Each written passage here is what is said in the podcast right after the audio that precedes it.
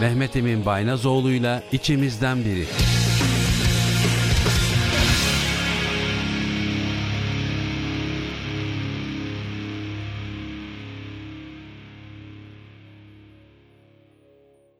Trakya Üniversitesi Radyosu, Radyo Güne Bakan 106.2'den herkese merhaba. Mehmet Emin Baynazoğlu'yla içimizden biri programıyla yine birlikteyiz. Her hafta çarşamba günü saat 12 ile 1 arasında olduğu gibi stüdyomuzda çok değerli bir konuğumuz var. Trakya Üniversitesi Sivil Savunma Amiri Hüseyin Türkel bizimle birlikte çok uzun süredir konuşuyorduk kendisiyle. Kendisini stüdyomuza davet etmek istiyorduk. Yoğunluktan dolayı, programlarından dolayı bir türlü bir araya gelememiştik. Şimdi sağ olsun bizim davetimizi kırmadı, değerli vaktini ayırdı ve stüdyomuzda bizimle birlikte şu anda sevgili Hüseyin Türker hoş geldiniz. Hoş bulduk hocam. Ben de burada yer almaktan çok mutluyum. Çok teşekkür ederim. Buluşmanın mimarı Radyo Güne Bakan Genel Yayın Yönetmeni Doktor Öğretim Üyesi Başar Hatırnaz. Onu bir kere ismini de söylemiş olalım burada. Çünkü o sizin de epeyce bir zamandır bir araya gelelim diye ciddi bir çaba sarf ediyordu. Sizin de tabii ki göreviniz gereği sivil savunma amirisiniz çünkü. Evet. Ancak bu zamana bir araya gelebildik diyelim. Tekrar hoş geldiniz. Biraz kendinizden bahseder misiniz? Bizim programımızın formatı gereği çünkü Mehmet Emin Baynazoğlu içimizden biri. Bu yedinci programımız bu arada. Trakya Üniversitesi çok büyük bir aile. Her programda bunu dile getiriyoruz. İşte büyük bir ailenin üyelerinin birbirlerini bu sayede daha iyi tanıyabileceğini düşündüğümüz için böyle bir program tasarladık. Doktor öğretim üyesi Başar Tırnaz'la birlikte. Onun için biraz böyle kendinizden bahsetmenizi rica edeceğim. Tabii tabii hocam. Lütfen. Ben de en başta böyle büyük bir ailenin bir üyesi olmaktan gerçekten gurur duyuyorum. 1981 Afsa doğumluyum. Buralıyım hocam. Ha Edirnelisiniz. Ee, Edirneliyim evet hocam. Hı-hı. Fakat şöyle bir geçmişimiz var. İlkokul ve ortaokulu burada okuduktan sonra lise ve üniversite hayatımı İstanbul'da devam ettirdim. Üniversiteyi bitirdikten sonra da denizlere açıldım. Ben uzak yol gemi kaptanıyım. Uzak yol gemi kaptanısınız. Doğrudur evet hocam. Bir süre denizlerde çalıştım. Ee, ne kadar çalıştınız? Yaklaşık 8 sene çalıştım hocam. 8 sene çok evet. önemli bir zaman. Aslında ha. yine de kopmadım. 2010 yılında evlenmeyle beraber İstanbul Teknik Üniversitesi Denizcilik Fakültesi'ne eğitim gemilerinde göreve başladım. Mezuniyetiniz Aynı yer. İstanbul, Kendi okulumda. İstanbul e, Teknik Üniversitesi Gemi evet, Makineli Mühendisliği mezunu Yok güverte. Güverte işletme mühendisliği var şu an. E, işletme mühendisliği olarak geçiyor hocam. Çok güzel. Oradan mezundum. Daha sonrasında da Aynı okulumda çalışma şansım da oldu. 2010 yılında orada göreve başladım hocam. Eğitim gemilerinde. Uygulama eğitimlerine girdik. Özellikle orada uygulama eğitimlerinde hmm. saha tecrübesi olan insanlar çok değerli oluyor. Evet. Çünkü akademikle saha birazcık daha farklı ilerleyebiliyor. Deniz de bambaşka bir camia. Böyle olunca orada göreve başladık. Yaklaşık 10 sene hocam orada böyle görevde bulundum. Eğitimlere girdik ve bu süre zarfında da İTÜ'deyken Afet'le beraber uğraşmaya başladım diyeyim. Çünkü Türkiye'de afet ayrı bir durumdu. Hı hı. İTÜ de buna çok farklı bir bakış açısı sahipti. Hı. Gerçekten öncü bir okulumuz bu konuda. Hı hı. İlgilenmeye başlayınca bunu okuma ihtiyacı doğdu. Hı hı. Hem çalışıp hem okuma şansım oldu. Afet ve Acil Durum Yönetim üzerine okudum. O zaman ikinci bir üniversite okumuş oldunuz. Tabii tabii tabii aynen aynen hocam. Okudum ve şu an değerli Fatih hocamız var. Fatih Yaman İTÜ Afat Koordinasyon Merkezi'nin başındaki bir hocamız. Hı hı. Kendisi de hatta Tekirdağlıdır. Japonya'da uzun süreler kalmış çok Hı-hı. değerli bir hocamızdı. Evet. Onunla çalışma fırsatımız oldu. Beraber çalışmanın verdiği bana çok fazla katkısı oldu. Hı-hı. Türkiye'de de bu konuda eğilimler başlamıştı. 99 depreminden sonra özellikle Hı-hı. hocam Türkiye'de bir değişime gittik. Evet. Özellikle, çok büyük bir değişim oldu gerçekten. O yani Türkiye için bir dönüm noktası oldu diyebiliriz. Kesinlikle hocam, kesinlikle. 99'dan önce Türkiye kriz yönetimi endeksi çalışan bir sisteme sahipti hocam. Ne demek bu? Yani afetten sonra gerçekleşecek olaylara bakıyorduk. Evet. Bir afet gerçekleşiyor. Biz nasıl yardım götürebiliriz? Bunlara hmm. endeksli çalışıyorduk. Fakat 99 depremi aslında bizim bunun daha öncesinde harekete bakmamız gerektiği ortaya çıktı. Hı Bununla alakalı da yurt dışındaki örnekler alındı. Şu an Türkiye'de de uygulanmakta olan bütünleşik afet yönetim sistemi ortaya çıktı aslında hocam. Bütünleşik afet sistemi. Evet evet. Şu an aslında aktif olarak uygulamaya çalışılan sistem de bu. Bunlar nedir hocam? İlk önce bir risk yönetimi çıktı. Risk yönetimi afetlerden önce müdahaleyi önce aldı. Hmm. Bununla alakalı neler yapılması gerekiyor? Evet. Çalışmalara başladılar. Ben de bu konuda üzerine biraz çalışma şansım oldu. Uğraştık ve hocam sonunda da bununla alakalı gerekli bir bilgi birikimine sahip oldum. 2020 yılında buraya ben de Edirneli olduğum için ve İstanbul'da yaşamın gerçekten ağırlığı, koşulları ve çocukların eğitim durumları göz önüne alındığında dedik ki artık memleketimize geri gelelim. Başvurduk. Sağ olsun yönetim de beni davet etti. Evet. E, belli bir sınavlara soktular. Sınavları geçtikten sonra 2 Mart 2020 yılında da Trakya Üniversitesi'nde sivil savunma amiri olarak göreve başlamış 3 yıl olacak hocam. neredeyse. Ne kadar Aynen hocam, aynen, aynen. Zaman hızlı geçiyor Çok demek hızlı ki. geçiyor. Şimdi bizim buraya misafir ettiğimiz stüdyomuzda ağırladığımız konuklarımızda da hep böyle zaman zaman konuşuyoruz. İstanbul'dan buraya göç etme kararı alanlar oluyor. Zaman zaman ben de onlardan bir tanesi Evet. olduğum için Başar Hoca gibi. İşte sıklıkla işte İstanbul, Edirne. Tabii yani büyük şehirler işte kozmopolit biraz daha kalabalık olması. işte özellikle de çocuk varsa onların eğitimi bir yerden bir yere ulaşmanın ne kadar zorlaştığını görüyorsunuz. Sonrasında da işte böyle kararlar almak durumunda kalıyorsunuz ve işte sizin bir de buralı olmanız vesilesiyle işte buraya gelmeniz. Şimdi şeyden bahsetmiştiniz o çok ilgimi çekti önemli. Yani sahadaki sizin mevcut pratik bilgilerinizde yani 8 yıl uzak yol kaptanlığı yaptığınızdan Doğrudur, söz evet. ettiniz. Zaten lisans eğitiminiz var. Sonra Evet. 8 yıl uzak yol gemi kaptanlığı yaptınız. Daha sonra o pratik bilgilerinizi teorik bilgilerle birleştirerek bir eğitmen olarak Aynen. işte eğitim alacak olan kişilere vermeniz ne kadar değerli, ne kadar önemli ve sonrasında da bu bahsettiğiniz işte sivil savunma uzmanlığı ile ilgili lisansınızı veya işte üniversite eğitiminizi tamamlamanız, daha sonra da işte buraya başlamanız bence Trakya Üniversitesi için çok büyük bir değer. Yani ederim. her bir çalışanı büyük bir değer ama bu bizim bahsettiğimiz konular insan hayatını çok yakından ilgilendiren Kesinlikle. e, konular olduğu için tıpkı sağlık gibi çok önemli, çok değerli. Dolayısıyla da insanların da bununla ilgili farkındalıklarının artması gerektiğini aslında siz sürekli sahada olduğunuz için sosyal medyada insanlarla birlikte bir arada etkinliklerde, tatbikatlarda belki anlatmaya gayret ediyorsunuz. Doğru değil mi? Aynen aynen aynen hocam. Kesinlikle bahsettiğiniz gibi Hı hı.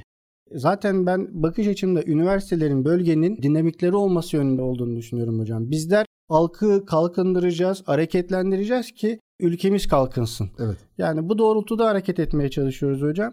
Yaptığım ilk meslekten dolayı aslında afet bana çok da yabancı gelmiyordu hocam. Evet. Çünkü denizcilik çok stresli biriktiği bir alan demek. Meteorolojiden tutun, yangın, denizde güvenlik bunların hepsinin birikimi olan bir alandı. Afette aslında deprem bunun bir ağır koşulu olarak da yangın. Yani yangın olarak da aldığımız eğitimler zaten İTÜ'de verdiğimiz eğitimler de uluslararası ileri yangın eğitim statüsüne kadar ulaşabilecek bir eğitim kavramımız vardı. O yüzden benim için de çok yabancı değildi ve zevk aldığım konularda eğilimle gösterince çok rahat da adapte olabildim hocam bu afet konularına. Harika. Yani şöyle söyleyeyim harika derken tabii ki bu bahsettiğimiz olayların hepsi afetlerden bahsediyoruz. Bunlar çok sıkıntılı durumlar. Bu sorunların üstesinden gelmek için yapılması gereken şeyler. Aslında sizin biraz önce bahsettiğiniz yani 99 öncesinde yapılanlar ve 99 sonrasında hani biraz önce dönüm Evet noktası hocam. olduğundan bahsetmiştik ya. İşte akademik tabirle bahsedersek işte proaktif, reaktif. Yani Aynen. işte önce ve sonra yani hele bir olsun da sonra davranalım veyahut da işte olmadan önce biz ne yapabiliriz?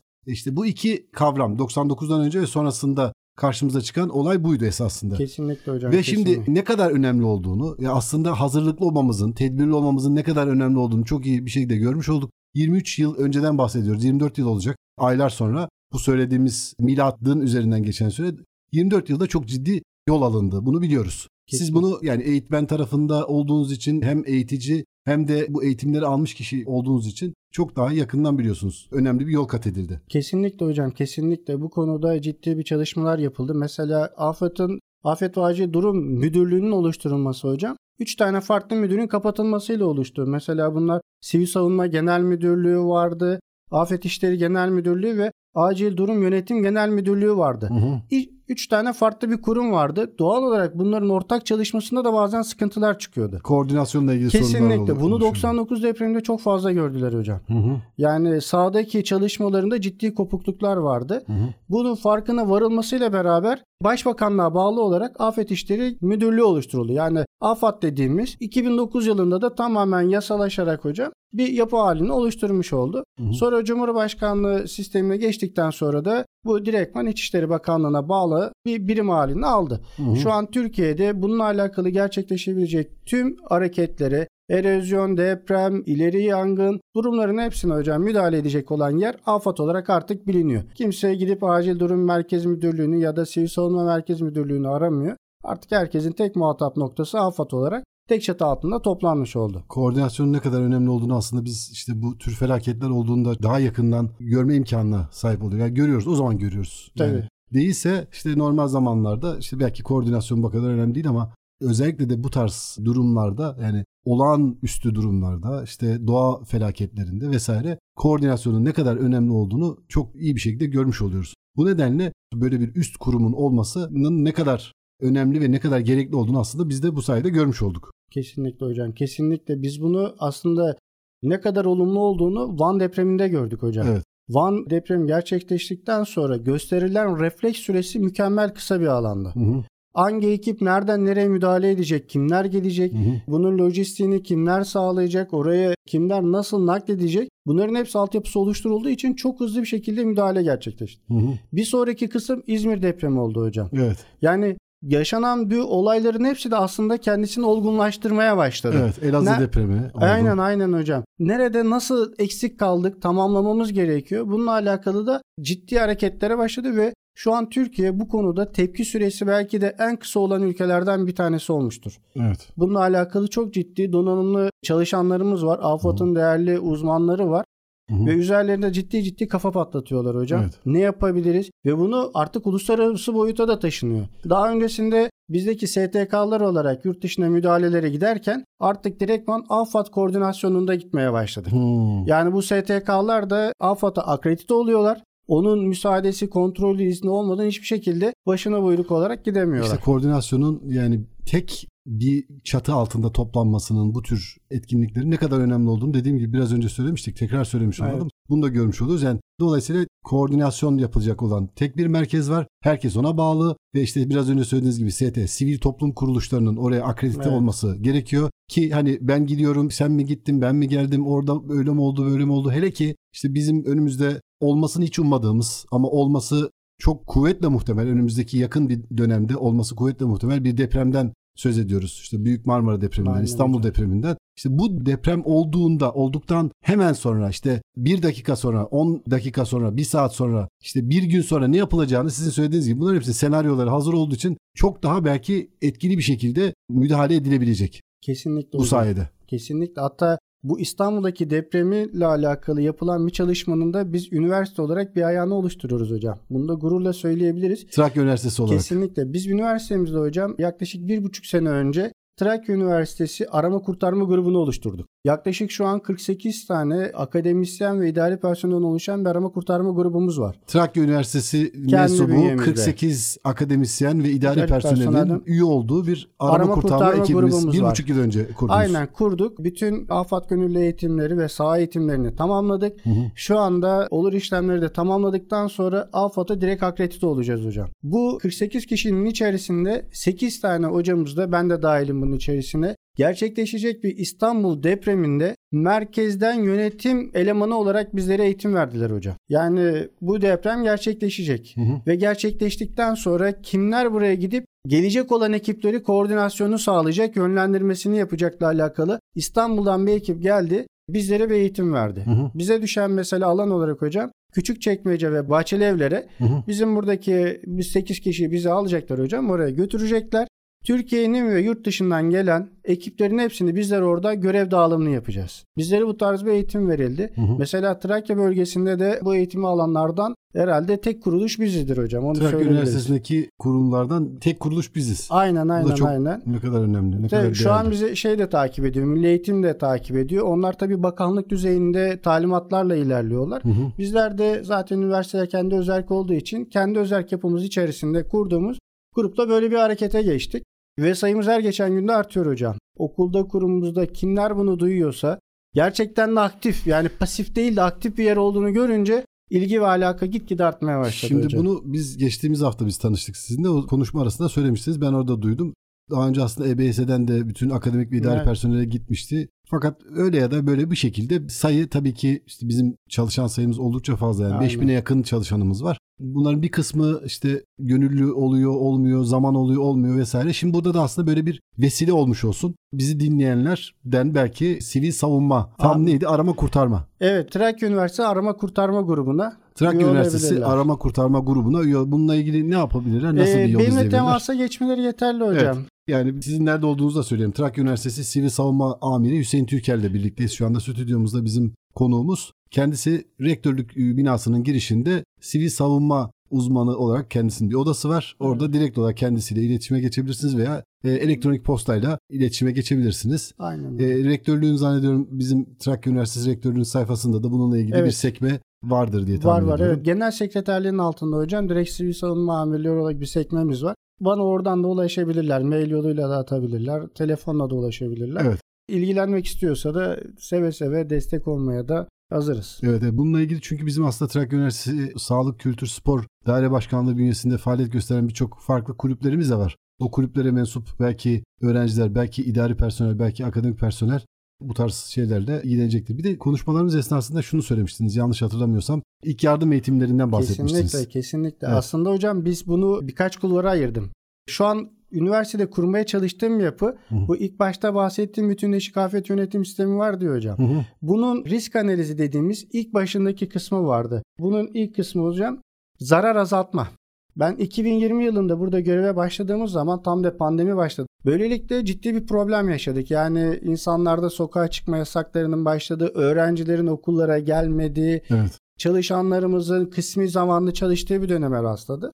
Ben de bu süre zarfında hatta ne yapabiliriz diye düşünmeye başladık. Yani buraya geldik, taşın altına elimize koymaya hazırız. Hı hı. Ne yapabiliriz diye başladık. Zarar azaltmak için dedik ki hazır okulda öğrenciler de yokken bir komisyon kuralım. Bu komisyonda da hocam elektrik, inşaat teknisyeni, makine mühendisi arkadaşlardan oluşan bir grup kurdum. Bütün okulları gezdik hocam. Okullardan kastınız bizim birimlerimizin Bizim? Trakya birimlerimiz. Üniversitesi'nin birimlerini. Ki evet hocam. Yani, Yani, bunu fakülteleri, enstitüleri, aynen. yüksek okulları hepsini gezdiniz tek tek. Evet Tamam. yani bunu Enez'deki kamptan tutun hocam. Hı, Keşan'daki Trakya okullarımız- Üniversitesi'ne bağlı ne kadar birim varsa hepsini gezdiniz. gezdik hocam. Hatta yani girmediğim kazan dairesi kalmadı diyebilirim. Tamam. Bununla alakalı bir şablon ortaya çıkarttık hocam. Dedik ki bizim okulda nerede nasıl sıkıntılarımız var? Hı hı. Ne yapabiliriz? Çünkü insanlar çocuklarını bizlere emanet ediyor Evet. ve bu emanetlere de sahip çıkmamız gerekiyor. Hı hı. Bunun ilk kısmı da onların güvenli yerlerde, emniyetli yerlerde kalmalarını sağlamaktan geçiyor. Hı hı. Bununla alakalı olarak zarar azaltmada risk analizleri oluşturduk.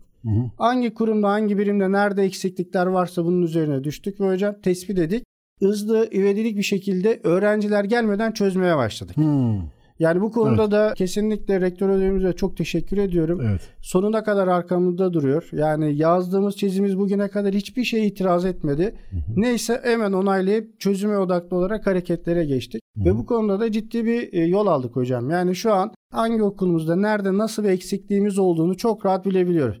Neresi yapıldı, yapılmayan kısmı ne kaldı bunları da bilmiş olabiliyoruz. Hı hı. Bu bizim hocam zarar azaltma ile alakalı yapmış olduğumuz kısım. İkinci olarak da hazırlık. Hani bahsettiğimiz ilk yardım dedik ya hocam. Evet. Bütün okullarda biz acil durum ekip listesi oluşturduk. Bunlarda yangın söndürme ekibi olacaktı, kurtarma görevlileri olacaktı bir de ilk yardım eğitimi. Hı hı. İlk yardımcılarımız olacak. Yani bugüne kadar Türkiye'de çok net söyleyeyim hocam. Her okulda, her kurumda bu acil durum ekipleri vardır. %90'ı bunlar bilmiyordurlar bile kendilerini tebliğ edilmemiştir. Hı hı. Fakat biz bunların gerçekte nasıl olması gerektiğiyle alakalı harekete başlayarak aktifleştirdik. İlk aktifleştirdiğimiz nokta da hocam ilk yardım oldu.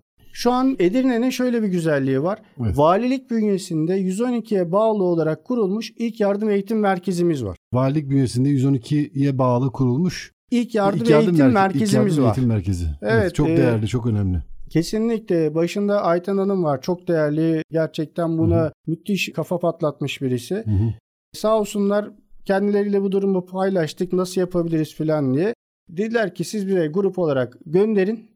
Bizler alalım. Şu an ona başlattık. Şu an her okulumuzda hocam en az üçer tane ilk yardım eğitimi almış donanımlı hocalarımız ve idari personelimiz var. Her okulda mutlaka en az 3 Üç kişimiz akademik veya idari personelden oluşan acil müdahale ekibi. Kesinlikle ilk yardımı bilen var. Ve İlk bu yardım sertifikası almış olacak. kesinlikle Bu bizim, bizim bahsettiğiniz bu kurum bünyesinde yani 112'ye Kesinlikle aynen Hı. aynen oradan gidip 3 günlük süren bir eğitim hocam bu. 3. günün sonunda yazılı sınav olunuyor. 85 puan gibi bir baraj puanı var. 85'i geçtikten sonra uygulama sınavına tabi tutuluyorlar. Hmm. Eğer onu da geçtikten sonra artık ilk yardımcı belgesi alabiliyor.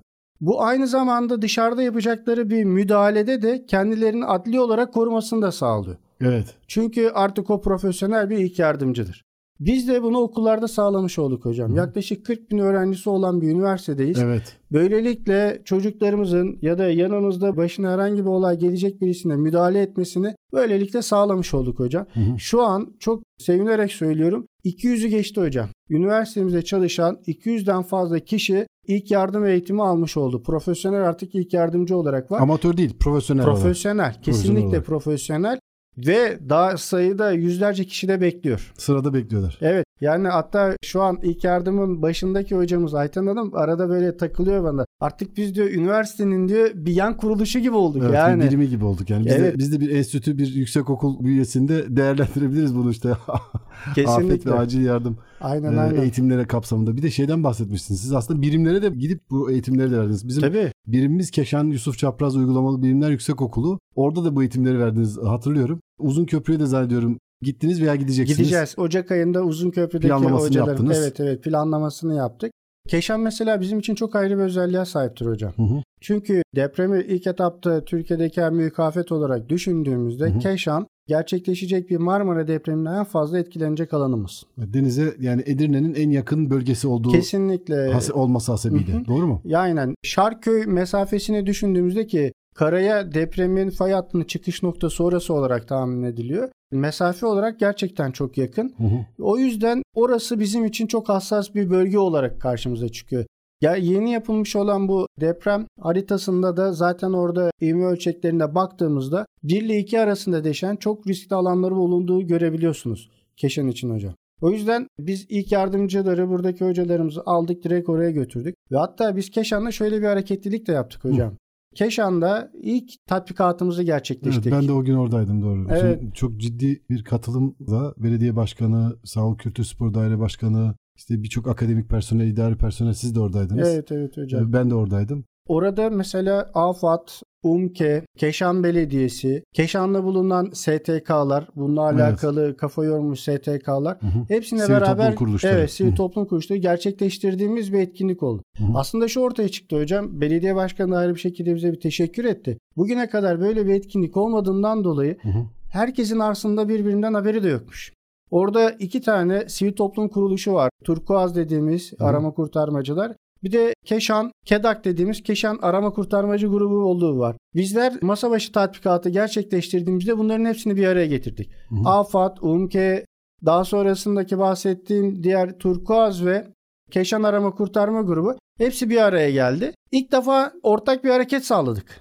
Onlar için de bir ilk oldu ve bu konuda Keşan Belediye Başkanı sağ olsun ayrı bir şekilde teşekkür etti. Bizler de, de aslında dinamiklerimizi bilmiyormuşuz ve bizden sonra da tatbikatlarına devam ettiler. Şu an AFAD Keşan'da ayrı bir merkez de kurdu. Orada da ekip arkadaşları görevlendirdi. Keşan bizim için o yüzden ayrı bir öneme sahipti hocam. Evet, yani O hassas bir bölge olması sizin söylediğiniz Kesinlikle gibi özellikle hocam. de yani depremde daha fazla etkilenmesi ihtimali yüksek olan bir yer olması hasebiyle biraz önce söylediğiniz gibi tatbikatın orada yapılması çok önemliydi, çok değerliydi. Ben de gerçekten daha sonrasında yerel basında ve ulusal basında da yer aldı zannediyorum. Evet, tatbikat evet, evet, Ye- yer bayağı oldukça ses getirdi. Tatbikatların sayısının çoğaltılması lazım ve insanların farkındalığının artırılması lazım. İşte siz de bunu gerçekten bu bahsettiğiniz özellikle de sivil savunma uzmanlığı çerçevesinde halka yayarak ve insanları bir araya getirerek biraz önce söylemiştiniz sayıyı söylemiştiniz 48 demiştiniz galiba değil mi? evet evet. Sadece bizim okulumuz bünyesinde akademisyen ve idari personelin e, Evet. mensup olduğu bir birlik. Bunun sayısı gitgide artacak ve çok daha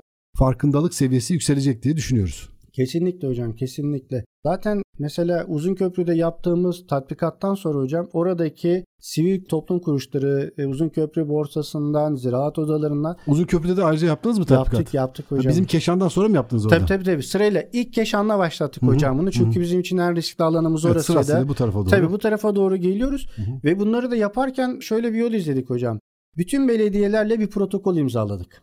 Güzel. Rektör hocamızın onayıyla beraber bir protokol oluşturduk. Gittik belediye başkanlarına Uzunköprü, Keşan, İpsala, Havsa bütün belediye başkanlarıyla karşılıklı oturup istişare ettik. Protokolü oluşturduk. Protokolün amacını anlattık. Bizim buradaki okullarımız var ve olabilecek bir durumda ilk başlarda sizlerden yardım beklediğimizi sonra anlattık. Yani işin ciddi boyutunu yani her an her şeyle karşılaşabilirsiniz ve bu insanlar ne kadar donanımlı olursa size o kadar faydalı olabilir. Hı hı. Şunu söyleyeyim hocam. Şu an Uzunköprü Belediyesi'nden özellikle örnek vermek istiyorum. Çalışan itfaiyede çalışan arkadaşların hepsi neydi? Yangın mezunu, yangın eğitimini almışlar ve İstanbul Büyükşehir Belediyesi'ne bağlı itfaiyeden ayrı bir eğitim almaya gidiyorlar. Şu an bütün belediyelerimiz bu dönüşüme gitti. Aslında biz dışarıda da üniversitenin dışındaki bir kuruluşlara da müdahale etmiş olduk. Farkındalığın artırılmasına vesile oluyorsunuz esasında. Kesinlikle kesinlikle eksiklerini görmüş oldular. Aslında buranın da çok ciddi bir yapının olması gerekti. Yani bunu ortaya çıkınca da hocam gerçekten bir hareketlilik başladı. Kendileriyle ilgili aslında bir şey gibi ne diyelim röntgen filmi çekmiş olmak gibi diye- diyebiliriz. Yani işte vücudunuzdaki durumu tespit etmek için vücudunuzda bir herhangi bir hastalıklı durum var mı? Organlarınız doğru bir şekilde çalışıyor mu? Çünkü bu koordinasyondan söz ediyorsak bunların hepsinin birlikte çalışması, birlikte hareket etmesi gerekiyor. İşte burada aslında bizim bu kurumların kendisiyle ilgili analiz yapmaları, işte güçlü yönlerini, zayıf yönlerini tespit etmeleri gereken bir durum ve bunu sürekli olarak yapmaları gerekiyor ve bu sayede de sizin bu yapmış olduğunuz bu görüşmeler sonrasında, protokoller sonrasında da bunların ortaya çıkması durumu söz konusu olmuş. Kesinlikle hocam kesinlikle en azından bunun altını çizmiş olduk. Yani benim kendi görev alanımla alakalı olarak görmüş olduğumuz bir problemi de bölgemiz için en azından düzeltme yoluna gidildi. Eğitimlerini en doğru yerde alarak yine kendi birimlerine girip orada en faydalı olacak şekilde çalışmaya devam etmeleri aslında beklenen olması gereken şey de bu. Kesinlikle hocam kesinlikle olması gereken bu artık olmaya da başladı. İnşallah çok daha ilerleyerek çok daha üst safhalara geçer bu iş. Bu afetlerden en az zararla hatta hiç zarar görmeden çıkmak için çaba sarf edebilelim. Yani bunları görebilelim diye umut ediyoruz. Bunu umut ediyoruz. Bunun Kes- için çabalamamız gerekiyor. Kesinlikle hocam kesinlikle yani insanların bakış açısının birazcık daha değişmesi gerekiyor. Ya bizim şöyle bir durumumuz var hocam Trakya için. Biraz daha rahat bir kitleye sahibiz. Trakya'da. Çünkü karşılaştığı afetler coğrafi yapısından dolayı bir erozyonla bir çığla karşılaşma durumu olmuyor. Bir karşılaştığımız afet seller vardı bu bölge için. Evet. Onda da gerekli devlet su işlerinin yaptığı çalışmalarla da minimum düzeye inmeye başladı. Hı hı. Artık onlarla da fazla karşılaşmıyoruz. Depreme de uzak olduğumuz düşüncesinden dolayı insanlarda da bir rahatlık var. Gerekli ilgi alakayı da o yüzden göstermiyorlar hocam. Hı hı. Yani anlatmaya çalıştığımızda da ya bizde de bir şey olmaz. Fakat şöyle bir geçmişimiz var bizim Hı hocam. Hı hı. 1752 Edirne, Hasköy ve Havsa merkez üstü bir depremimiz var. Hocamız Hasan hocamızın, Hasan Evet, Ali evet, Cengiz hocamızın Onu konuk ettim burada. E, ettiniz mi? Onu Çok güzel. Detaylı olarak konuştuk. Hariki Kebir'den bahsettik. Büyük Edirne yangınından söz ettik. Evet evet hocam. Yani şimdi böyle bir gerçeklik var ve depremler tekerrürden ibarettir. Evet. O yüzden burada böyle bir depremin olmayacağı düşüncesi kesinlikle insanlarda zafiyet yaratıyor. Dünyada en iyi deprem haritalarının yayınlandığı yer Malezya bölgesi hocam. En detaylı En deprem detaylı çalışmalarının yapılıp yayınlandığı yer Malezya. Hı. Fakat orada bile hocam bilinmeyen sayısız deprem fay hattı olduğunu biliyoruz. Şimdi Türkiye gibi bir ülkeyi düşündüğümüzde yapılan fay hattının bizim buradan geçmediği düşüncesiyle insanlarda zafiyet yaratmaması gerekiyor. Belki 5 sene sonra 8 sene sonra yapılacak olan yeni bir deprem fay hattı çalışmasında belki bizim buradan da geçen bir fay hattından bahsedilebilir. İkincisi küreselleşen bir dünya. Bugün buradayız. 5 saat sonra belki Konya'dasınız, Ankara'dasınız. Kuzey Marmara Fay Hattı'nın herhangi bir merkez üstünde olabilirsiniz. O yüzden alacağınız eğitimler sadece burada kendinizi güvende hissetmek anlamında değil, Hı hı. gittiğiniz yerde de başınıza gelebilir. Mesela benim başıma gelmiş olan bir olay. Türkiye'de yanardağ yok. Yanardağ anlatılsa herkese afaki kalır. Fakat ben meslek icabı olarak İtalya'da bulunduğum sürede Etne yanardağın patlamasını gördüm. Siz Ee, bulunduğunuz esnada mı? Aynen Etna- hocam. Etna Hatta faaliyeti şöyle gö- faaliyete geçti? kesinlikle Stromboli bir yanardağ vardır. Biraz daha Sicilya'nın içerisinde. Hı hı. Tam gemine yanından geçerken patlamaya başladı. Müthiş bir doğa olayıdır. Siz denizdesiniz. Evet evet Ve denizdeyim. ondan da e, yani bir şekilde denizdeki insanlar bile etkileniyor. Doğru mu? Etkileniyor tabii. Açığa gidiyorsunuz. Çünkü panikle açılan kaçan insanlar var. Denizde tekneleriyle. Çünkü lavlar denize doğru Lavlar akıyor. denize doğru akıyor. İşte Evet. tüfler e, oradan işte rüzgarla bir şekilde taşınıyor. Hangi yıl olduğunu hatırlamıyorum ama yine büyük bir Reykjavik'te zannediyorum İzlanda'da yanardağ patlaması sonucu Avrupa'daki uçuşların neredeyse tamamına yakının birkaç hafta boyunca durduğunu iptal edildiğini biliyorum. Evet evet. Yanlış Kül- mı hatırlıyorum? Evet evet. Kül bulutları yüzünden Kül hocam. bulutları Hı hı, yüzünden. Kesinlikle. Reykjavik'te miydi acaba? Evet evet öyle bir yerde. Ben zaman ismini bilmiyorum ama mesela Yanardağ kimse düşünmezdi ama oraya tatile giden bir kişi olduğunu düşünün hocam. Yanardağ'yla karşılaşabilir. Yani Evet. Türkiye'de olmayacak diye de bir kavram yok. O yüzden afetler konusunda aslında gerekli hassasiyeti göstermemiz bu açıdan çok önemli oluyor hocam. Evet evet kesinlikle katılıyorum. Yani Şimdi bu Edirne'nin hani deprem bölgesi olmadığını merkez için konuşalım. İnsanlar öyle düşünüyor ama şimdi esasında 16. yüzyılda, 18. yüzyılda ve 20. yüzyılda 3 tane büyük deprem olduğunu kayıtlardan biliyoruz. İşte bir tanesi 1509, 1752, 1953 yıllarında çok büyük depremler olmuş ve yıkıcı etkileri görmüş. Hatta bir tanesi de Doktor Hasan Ali Cengiz onun kulaklarını çınlatalım. Yaptığımız program esnasında onun kitabı var. Edirne Hariki Kebiri ile ilgili, büyük yangını ile ilgili. Hemen 6 yıl sonrasında gerçekleşmiş büyük bir depremden söz ediliyor. Büyük bir yangın oluyor. O dönem çok önemli bir siyaset, ticaret merkezi ondan çok ciddi bir şekilde etkileniyor. Hemen arkasından bir deprem oluyor ve bölge o dönem için tahribatı inanılmaz boyutlara ulaşmış iki afetle karşılaşıyor. Dolayısıyla da bu tarz şeylerin olma ihtimali yine var. Yani bölge olarak evet denize uzağız. İşte Kırklareli tarafından işte Gelibolu tarafından evet ortadayız. Bunlar tamam fakat bir taraftan da mutlaka biz acaba olursa ne yapabiliriz diye bunlara hazırlıklı olmamız her hal ve şartta bizim için elzem bir durum esasında. Kesinlikle hocam kesinlikle. Kendimizi bu konuda geliştirmemiz gerekiyor. Hatta geçen aydı sanırım AFAD Türkiye genelinde böyle bir tatbikat gerçekleştirmeye çalıştılar. Hı hı. Aynı anda Düzce depremi olduğu süre zarfında işte çök kapan modeline falan geçtiler. Bir noktaya parmak basılabildi. Aslında bu konuda da ciddi çalışmalar yapılabilir diye düşünüyoruz. Hatta AFAD'a, Edirne İl AFAD Müdürlüğü'ne bununla alakalı eleştirimizi de ilettim. Yani keşke bunu bizler toplum mühendisliği anlamında dizilerin içerisine, reklamların içerisine işleyebilsek, insanların hafızasında bir noktada dokundurabilirsek gerçekten böyle bir tatbikat yaptığımızda neyle karşılayabileceklerini en azından bilebilirler. Ben bunu denizcilik tecrübemden biliyorum aslında hocam. Hı hı. Şöyle biz gemide her ay hocam rutin olarak her ay gemi terk ve yangın eğitimi yaparız. Hı hı. Gemiyi terk ve yangın eğitimi. Yangın eğitimi her ay. Bu 20 senelik denizci olsanız da böyle 50 senelik de olsanız öyle. kesinlikle hocam bunu her amaç refleks oluşturabilmek. Evet. Böyle bir olay geldiğinde insanların beyni duruyor hocam. Hı hı. Çünkü ben bizzat fırtınaya girdiğimizde Akdeniz ortasında bunu karşılaştım. 18 senedir orada denizcilik yapan, ben onların yanında daha 5-6 senelikti zabitim. Yani insanlar sizin gözünüzün içine bakıyorlar. Eğer siz adama atla derseniz denize atlayacak. Dur derseniz duracak. Çünkü siz kaptansınız esasında orada. Evet. Evet. 3 2 kişi, 3 kişi, kaç kişi sorumlu gemide? Gemide 4 tane kaptan oluyor Dört hocam. tane kaptan. Evet. tane Bir kaptan. süvari oluyor. Dört- ikinci, dördün- üçüncü, dördüncü kaptan. Dördünün gözünün içine bakıyor çalışanlar. Tabii tabii. Aslında ne yapacaklarını çok iyi biliyorlar. Yani sürekli eğitimlerini almışlar.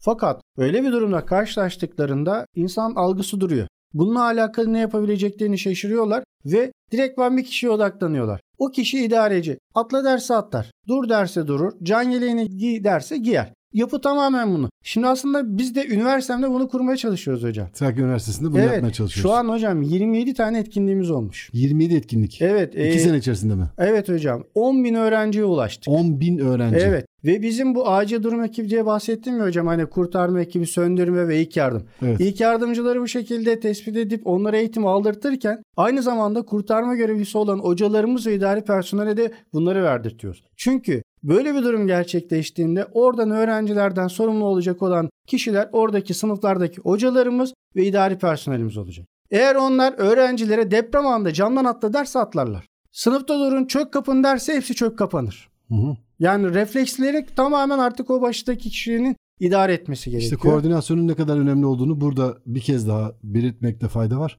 Afetin sonrasında ne yapılması gerektiğini herkesin bilmesi gerekiyor. Şimdi özellikle de kalabalık şehirlerde bu tür afetlerden sonra afette herhangi bir zarar görmeseniz dahi afetten hemen sonra sokağa çıktığınızda nasıl davranacağınızı bilmiyorsanız yaralanma ihtimaliniz çok yüksek. Bunu biliyoruz. Kesinlikle Doğru mu? hocam. Kesinlikle kesinlikle. Yani bunun dediğim gibi 2-3 kısmı var. Afet öncesi bunun için deprem çantamızı Evet, hazırlamak, evet. iyi yerlerde konaklamak ve afet sırasında afet Esnası, afet evet, esnasında. ne yapmamız gerektiğini bilmemiz gerekiyor ve afet sonrasında ne yapmamız Sonrası. gerekiyor. Evet, özellikle de sonrası kısmı zannediyorum en önemli kısımlarından bir tanesi. Hatta en önemli kısmı diyebiliriz. Çünkü nasıl davranacağınızı bilmiyorsanız sonrasında başınıza hiç istenmedik şeyler gelebilir. Kesinlikle kesinlikle hocam. Mesela ilk 72 saat olayı vardır. Bunu Evet. da Amerika Birleşik Devletleri'nde tespit edilmiştir. Bir olay gerçekleşir. Olaydan sonra uzman profesyonel ekiplerin o kişilere kazazedelere ulaşmasının süre zarfı 72 saat olarak Üç tespit gün yani. edilmiş. Hı hı. 3 günlük bir süre. O yüzden insanlara her yerde telkin edilen bu 3 günlük süre zarfında kendinizi idame edebilecek donanımda bir çantada yapmanız. Şimdi ama herkeste şöyle bir kavram ya çantaya ne koyacağız ne koymayacağız. Aslında konması gerekenler kendinizle alakalı olan şeyler. Evde bebeğiniz var. Hı hı. Bebeğinizle alakalı koymanız gereken neler varsa onları almanız gerekiyor. Bebek maması, bez yani alması gereken işte biberon vesaire neyse en- Aynen, yani aynen. günlük ihtiyaçlar için kullandığınız şeyleri koyacaksınız. Evet. Bakıma muhtaç yaşlı bireylerimiz olabilir. Bunların sürekli kullandıkları ilaçlar, olabilir. En önemlisi o. ilaçlar. Evet. Baktığımız hayvanlar olabilir hocam. Evet. Yani bunlar da bizim canlarımız. Evet, Ee, beraber evet, evet, yaşamımızı Evcil sürdürüp hayvanlarımız olabilir Evet. evde. E, onlarla beraber çıktığımızda da dışarıda mağduriyetler olabiliyor. Bununla alakalı aslında bu deprem çantasından önce ciddi problemlerle karşı karşıya da kalınılmış hocam. Hı hı. Çünkü her tarafın harabe olduğu, yıkıldığı bir dönemlerde bir bakıyorsunuz ki dışarıda insanlar yağmalamaya başlıyorlar. Yağmacılık olayı falan çıkıyor. Hı hı. İşte bizler bununla alakalı çalışmalarımızı da sürekli telkinlerle devam ettirmeye çalışıyoruz. Mesela toplanma alan merkezi. Çok önemli bir noktadır hocam. Herkes şu an bilmiyor bile olabilir. Toplanma alanı merkezimiz neresidir diye. Evet. Ve ben şunu düşünüyorlar. Biz oraya gitsek ne yapılacak? Şöyle bir durum var hocam. Toplanma alanı merkezinin esprisi. Hı hı. Kişiler bulundukları mahallenin toplanma alanı merkezine gittiklerinde gelecek ilk kurtarma ekipleri o merkeze gelecek. Toplanma alanı merkezlerine gelecek. İlk iş yapılacak olan şey İlk bu. orada. Hı hı. Mesela sizin içeride bir yakınınız kaldı. Siz bu toplanma alanı merkezine gidip oradaki uzmanlara söyleyeceksiniz ki uzmanlar gidip orada bulacak. Eğer siz enkazın yanında durursanız tesadüfen geçerken Geçerse söylersiniz duyarlar. Evet. O yüzden o merkezlerin toplanma alanı merkezleri çok önemli. Şimdi onların da doğru bir şekilde insanlara anlatılması gerekiyor. Evet. Onların insanlar tarafından bir şekilde öğrenilmesi gerekiyor.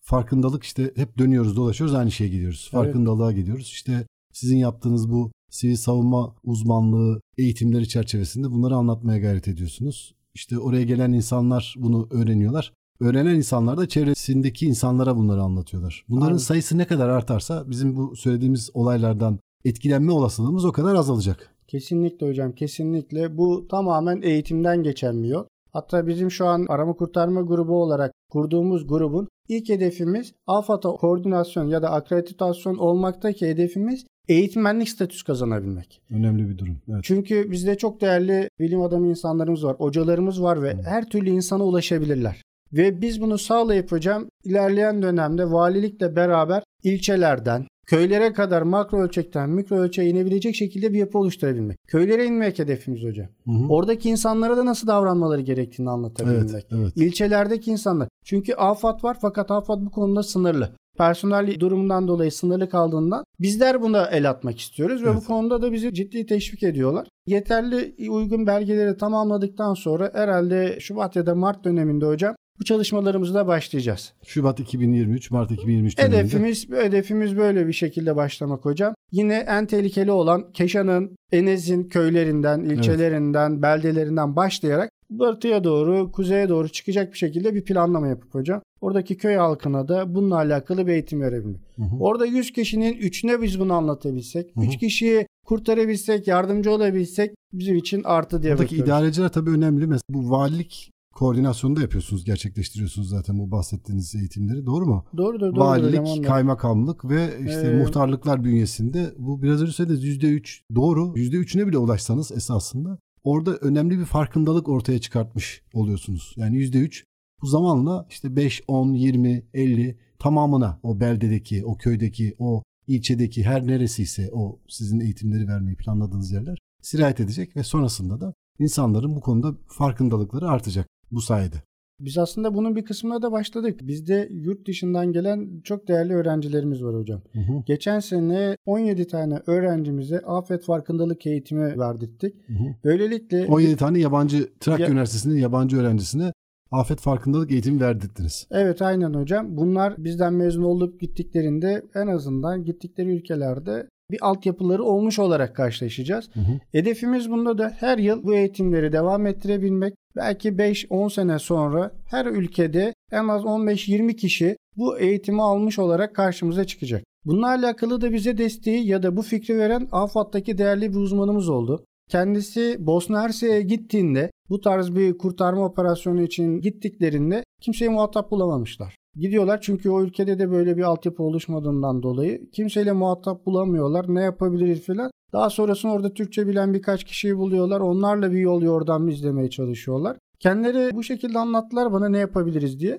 Ben de Murat hocamıza anlattım. Dış ilişkiler aynı zamanda rektör yardımcımız. Evet, dış Sağ ilişkiler olsun müdürü. E, müdürümüz çok ilgilendi. Hemen dedi yapalım ne gerekliyse başlatalım. Hı hı. Başlattık. İlk başta 17 öğrencimiz tercih etti. Dedi ki biz bu eğitimi almak istiyoruz. Onlara bu eğitimi aldırdık. Katılım belgeleri sağladık. Bu yılda devam ettireceğiz bu etkinliklerimizi. Daha sonra bunları zaten kayıt altına alacağız. belki 4-5 sene 10 sene sonra kendilerini aynı bölgede gidip ziyaret edip Hı. aslında orada bir koordinasyonu sağlamak amacımız. Yani o bölgelerde de bir birlik beraberliği sağlayabilirsek gerçekleşebilecek Balkanlardaki bir doğal afette buradan gidecek uzmanlarımız kimi bulacaklarını bilecekler en azından. Hı hı. Ve bunlara orada yol yordam ya da nasıl hareket etmeleri gerektiği konusunda yardımcı olacak birileri olacak. Trakya Üniversitesi'nin tabii Balkan Üniversiteler Birliği'nin de aktif bir üyesi ve kurucular arasında olduğunu biliyoruz.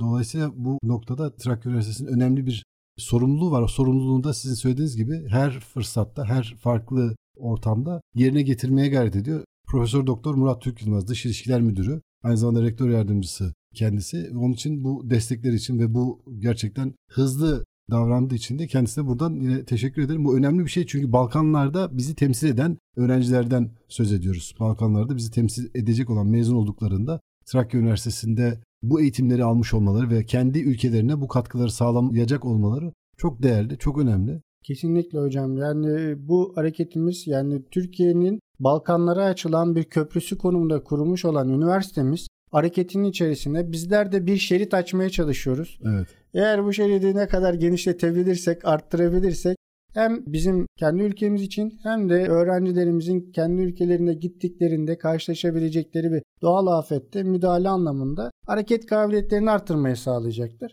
O yüzden böyle bir çalışmalarımızda da devam ediyoruz. Hı hı. İnşallah daha da arttırarak devam ettireceğiz diyeyim hocam. Hı hı. Biz aynı zamanda topluma farklı hareketlerle de giriyoruz hocam. Yaklaşık Nasıl? e, iki ay önce hocam Edirne'mizde işitme engellilere dönük afet farkındalık eğitimi verdik. İşitme engellilere yönelik e, afet farkındalık eğitimi Aynen. iki ay önce. Hı. Evet. Bunu da nasıl fark ettik? Dediğim gibi ben her ortama gidiyoruz hocam. Yani her okula, her birime, bütün okul sekreterleriyle, çalışanlarıyla konuşuyoruz ve ilgi alaka da görüyorum sağ olsunlar. Hı hı. Fikirleriyle geliyorlar. Bu fikirlerle de bunlar doğuyor. Bizim sağlık kültürde çalışan işitme engelli bir kardeşimiz var. Ben mesela oraya gidene kadar tanımıyordum kendisini. Tanıyınca, sohbet edince tabii el yordamlarıyla Hı hı. bu tarz bir eğitim olmadığını gördük. Evet. Gerçekten çok üzüldüm hocam. Dedim ki neden işitme engellilerimize karşı yapmıyoruz? Oradaki çok değerli Koray Bey var, şube müdürümüz. O da önce oldu. Böyle bir hareket yapabilir miyiz diye. Sonra yazılarımızı yazdık. Edirne'mizde kurumlarda ve derneğe bağlı olarak bulunan işitme engellileri yaklaşık 30 kişilik bir ekibi toparladık hocam buraya. Hı AFAD'dan ekiplerimizi çağırdık. Bir de tercüman bulduk. Hı hı. Tercüman vasıtasıyla bunu İşaretli aktarmış, tercüman, ha? işaretli Hı hı. tercüman bularak aktardık. Aslında şu ortaya çıktı hocam. AFAD da kendi eksiğini görmüş oldu. Evet. Böyle bir eğitimde bizim neden böyle eğitim verebilecek bir adamımız yok? Evet. Biz neden Ne kadar önemli. kesinlikle olduğunu eğitmenlerimize neden işitme dilini, lisanı konuşabilecek eğitimler İşaret aldırtmıyoruz? İşaret dili evet, eğitimleri neden aldırtmıyoruz? aynen. Bu okullarda artık vakıf üniversitelerinde, devlet üniversitelerinde seçmeli ders olarak okutulmaya başlandı. Benim İstanbul'da çalıştığım dönemde 7 yıl kadar önce bu derslerin verildiğini hatırlıyorum. Ne kadar önemli olduğunu bir kez daha anlamış olduk ve siz aslında bunu bu vesileyle bize hatırlatmış oldunuz bir kez daha. Afet farkındalık eğitimlerinin bu bireylere verilmesinin ne kadar önemli, ne kadar değerli olduğunu bir kez daha hatırlatmış oldunuz esasında. Kesinlikle hocam. Kesinlikle. Sadece onlar değil, onun dışında işte görme engelli bireyler, işte yürüme engelli bireyler veyahut da farklı farklı engelleri olan bireylere ki sayıları çok fazla onu biliyoruz Türkiye genelinde ulaşmanın ve bu söylediğiniz eğitimleri vermenin ne kadar önemli olduğunu aslında bir kez daha vurgulamış oldunuz bu vesileyle. Evet. Aslında devamında ve öncesinde de şu da çıktı hocam. Bizim Armağan Dönertaş Engelliler Okulumuz var. Evet, evet. Oradaki çok değerli hocalarımıza falan çalışanlarına da bu afet farkındalık eğitimi verdik. Hı hı. Oradaki bir çalışanımız da mesela şunu söyledi bize. Bizler dedi bu eğitimi aldık fakat özellikle dedi Down sendromlu olan aileler var. Evet. Çocukların yaşları da ilerliyor. Down büyüyor. sendromlu çocukları olan aileler, bireyler var. bireyler var. Bunlar ne yapabilirler? Böyle bir afet durumuna nasıl müdahale edebilirler? Bir sonraki basamağımız da hocam hedefimiz o aileleri üniversitemiz bünyesinde toparlayarak Hı hı. bu afet farkındalık eğitimi vermek. Onlara tabii birazcık daha farklı bir eğitim olacak. Çünkü kendilerinin yanında bakmakla sorumlu oldukları engelli kardeşlerimiz var, bireylerimiz var. Onlara nasıl hareket etmeleri, onlarla ne yapmaları gerekiyor? Çünkü onlar normal davranışları sergilemeyecekler. Evlerde belki onlar için daha ayrı tedbirler almak gerekecek. Evet. Yani bununla alakalı da bir çalışma yürüteceğiz hocam. Herhalde o da Nisan-Mayıs ayında gerçekleştireceğiz. Onu da üniversitemiz bünyesinde Edirne bölgemizde ne kadar bu tarz mağdur insanlar varsa, eğitime ihtiyacı olan insanlar varsa toparlayıp bir araya getirip böyle bir organizasyona imza atmak istiyoruz hocam. Çünkü bu afet olduğunda bütün o toplumdaki bütün bireyleri etkileyecek. Yani işte bir kısmını etkileyecek bir afet değil. Bu afet hepimizi ilgilendiren bir durum olduğu için burada yaşayan tüm bireylerin konuyla ilgili farkındalık seviyelerinin yüksek olması gerekiyor. Bunun için çaba sarf ediyorsunuz, çabalıyorsunuz, çok değerli işler yapıyorsunuz. Onun için sizi gerçekten can gönülden tebrik ediyorum. Ben kendi adıma ve üniversite adına zamanımızın yavaş yavaş sonuna Evet. geliyoruz. Gerçekten ben de nasıl geçtiğini anlamadım. Son olarak söylemek istediğiniz bir şey var mı Hüseyin Bey? Hocam son olarak söylemek istediğim insanlar arabalarını alırken ekspertize götürüyorlar, her şeyini inceliyorlar, bakıyorlar, ediyorlar. Lütfen aynı hassasiyeti evleri içinde göstersinler. Hı hı. Çünkü hayatlarını, ailelerinin, yaşamlarını sürdükleri yerleri evleri. O Evet. yüzden evlerine lütfen alırken, bakarken, kontrol ederken bunları dikkat etsinler. Hı hı. Evlerine eşya alırken burada bir örnek de anlatmak istiyorum müsaadenizle hocam. Lütfen, lütfen. Gölcük depreminden 3 gün sonunda çıkmış olan bir hemşire kardeşimizden bunu Hı duymuştum. hı. Deprem gerçekleşiyor gece. Tesadüfen diyor yatağımın yanına düştüm. Hı hı. Yattığım baza çelik konstrüksiyon olduğundan dolayı diyor yaşam üçgeni oluştu Yaşam üçgeni ve ben oluştu. orada kaldım diyor. 3 gün sonunda gün. beni kurtardılar diyor. 72 saat orada göçün altında kalıyor ve o eşyası sağlam olduğu için orada nefes alıp hayatta kalma Hayatta- imkanına sahip aynen. oluyor. Dolayısıyla bu eşyaları ve evimizi satın alırken çok dikkatli, çok daha dikkatli davranmamız gerektiğini bize hatırlattığınız için teşekkür ederiz. Trakya Üniversitesi Sivil Savunma Amiri Hüseyin Türker program konuğumuzdu. Bize çok önemli, çok değerli bilgiler verdi. Kendisine çok teşekkür ediyoruz. Ağzınıza sağlık, ayağınıza sağlık. Mehmet Emin Baynazoğlu ile içimizden biri programından herkese hoşçakalın diyorum. Bizi 106.2 frekansından dinleyebilirsiniz. Programla ilgili görüş, öneri ve sorularınızı da Radyo Güne Bakan et trakyo.edu.tr adresine mail olarak gönderebilirsiniz. Önümüzdeki hafta tekrar görüşmek üzere. Hepinize mutlu bir hafta diliyorum. Görüşmek üzere.